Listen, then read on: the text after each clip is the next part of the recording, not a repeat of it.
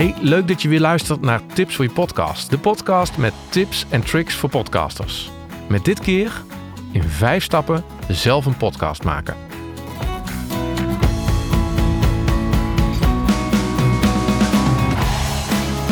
Welkom bij Tips voor je podcast. Met tips, tricks en interviews met ervaren podcasters. Voordat we beginnen met stap 1, ik zeg altijd: ik ga ervan uit dat je stap 0 al hebt gezet. Het bepalen van het doel en de doelgroep voor je podcast. Wie wil je bereiken? Met welke boodschap? Immers, als je niet weet wat je tegen wie wilt gaan zeggen, dan weet je natuurlijk ook niet wat je in je podcast moet vertellen. Zorg dus dat je dat eerst scherp hebt. Heb je je doel en doelgroep helder? Dan kunnen we naar stap 1. Stap 1. Het format en script van je podcast bepalen. De eerste stap is het bepalen van de vorm van je podcast. Wordt het een kletscast met interviews? Ga je reportages maken? Of wordt het een luisterverhaal? De mogelijkheden zijn eindeloos. De vaste onderdelen van je podcast, zoals het intro en de outro, die werk je uit in een script, zodat je precies kunt voorlezen wat je moet overbrengen. Ga je interviews houden, dan werk je per aflevering de vragen uit die je aan je gast wilt gaan stellen. Met de scripts voor de intro en outro en de vragen voor de interviews weet je per aflevering precies wat je gaat vertellen. Wil je nou meer weten over het vinden van de juiste vorm voor je podcast?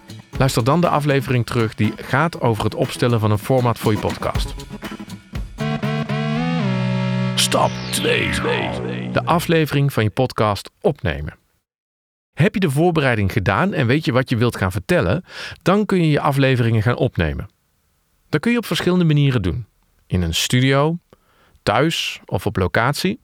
Je kunt het live doen of online via bijvoorbeeld Zoom. En je kunt het opnemen met een USB-microfoon in je laptop of met een speciale podcast recorder. Er zijn zelfs apps op je telefoon waarmee je kunt opnemen. Hoe je ook opneemt, zorg in ieder geval dat je opneemt in een ruimte met een zo droog mogelijke akoestiek, zodat je geen storende galm opneemt. Want hoe minder galm, hoe professioneler je klinkt. En je bent ook nog eens beter verstaanbaar. Zorg ook dat je zo dicht mogelijk bij de microfoon zit als je gaat opnemen. Zelfs als die microfoon in je telefoon of laptop zit.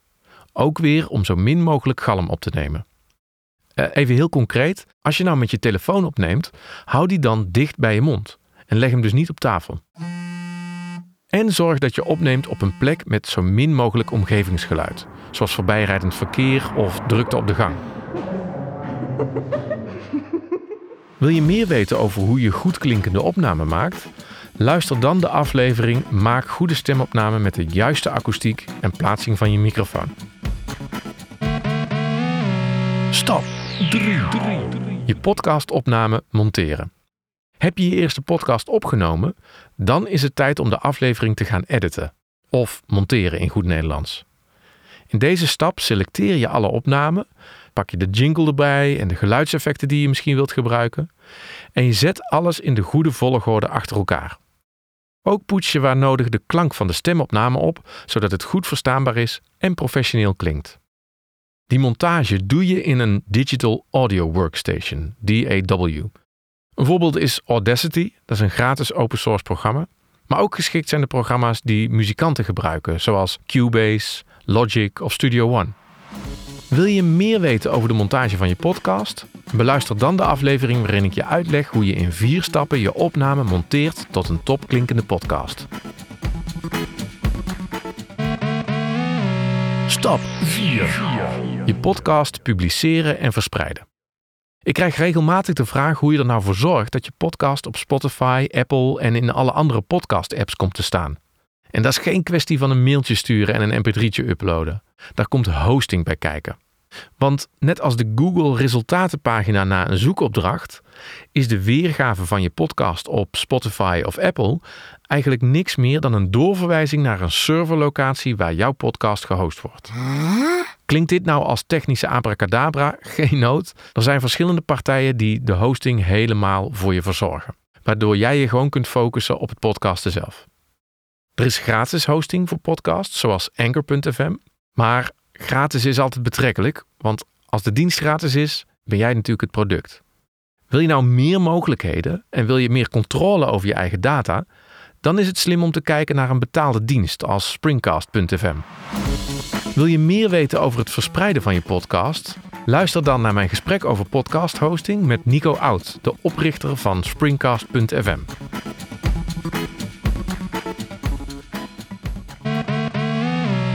Stap 5.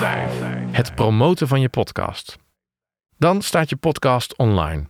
En dan is het tijd om op de tamtam te gaan slaan.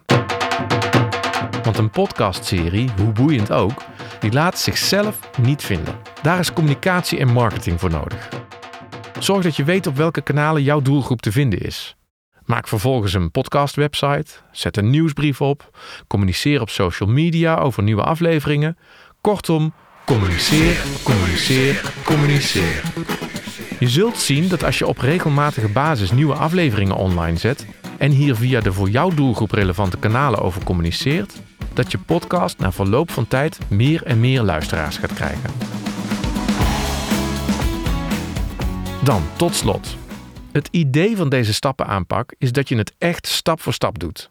Denk aan een honkbalveld waarbij je eerst naar honk 1 moet voordat je naar honk 2 door kunt. Zorg dat je de ene stap goed doorlopen hebt voor je aan de volgende begint. Dus niet een slecht klinkende proefopname al snel op Spotify zetten en daarmee potentiële luisteraars afschrikken. Dat is zonde van al het werk dat je in je podcast hebt gestoken. En daarmee zijn we aan het einde gekomen van deze aflevering van Tips voor je podcast. Wil jij nou aan de slag met je eigen podcast, maar heb je hulp nodig op een van de vijf stappen? Kijk dan op tipsvoorjepodcast.nl of neem contact met me op. En dan hoor ik je graag weer in een volgende aflevering. Tot dan!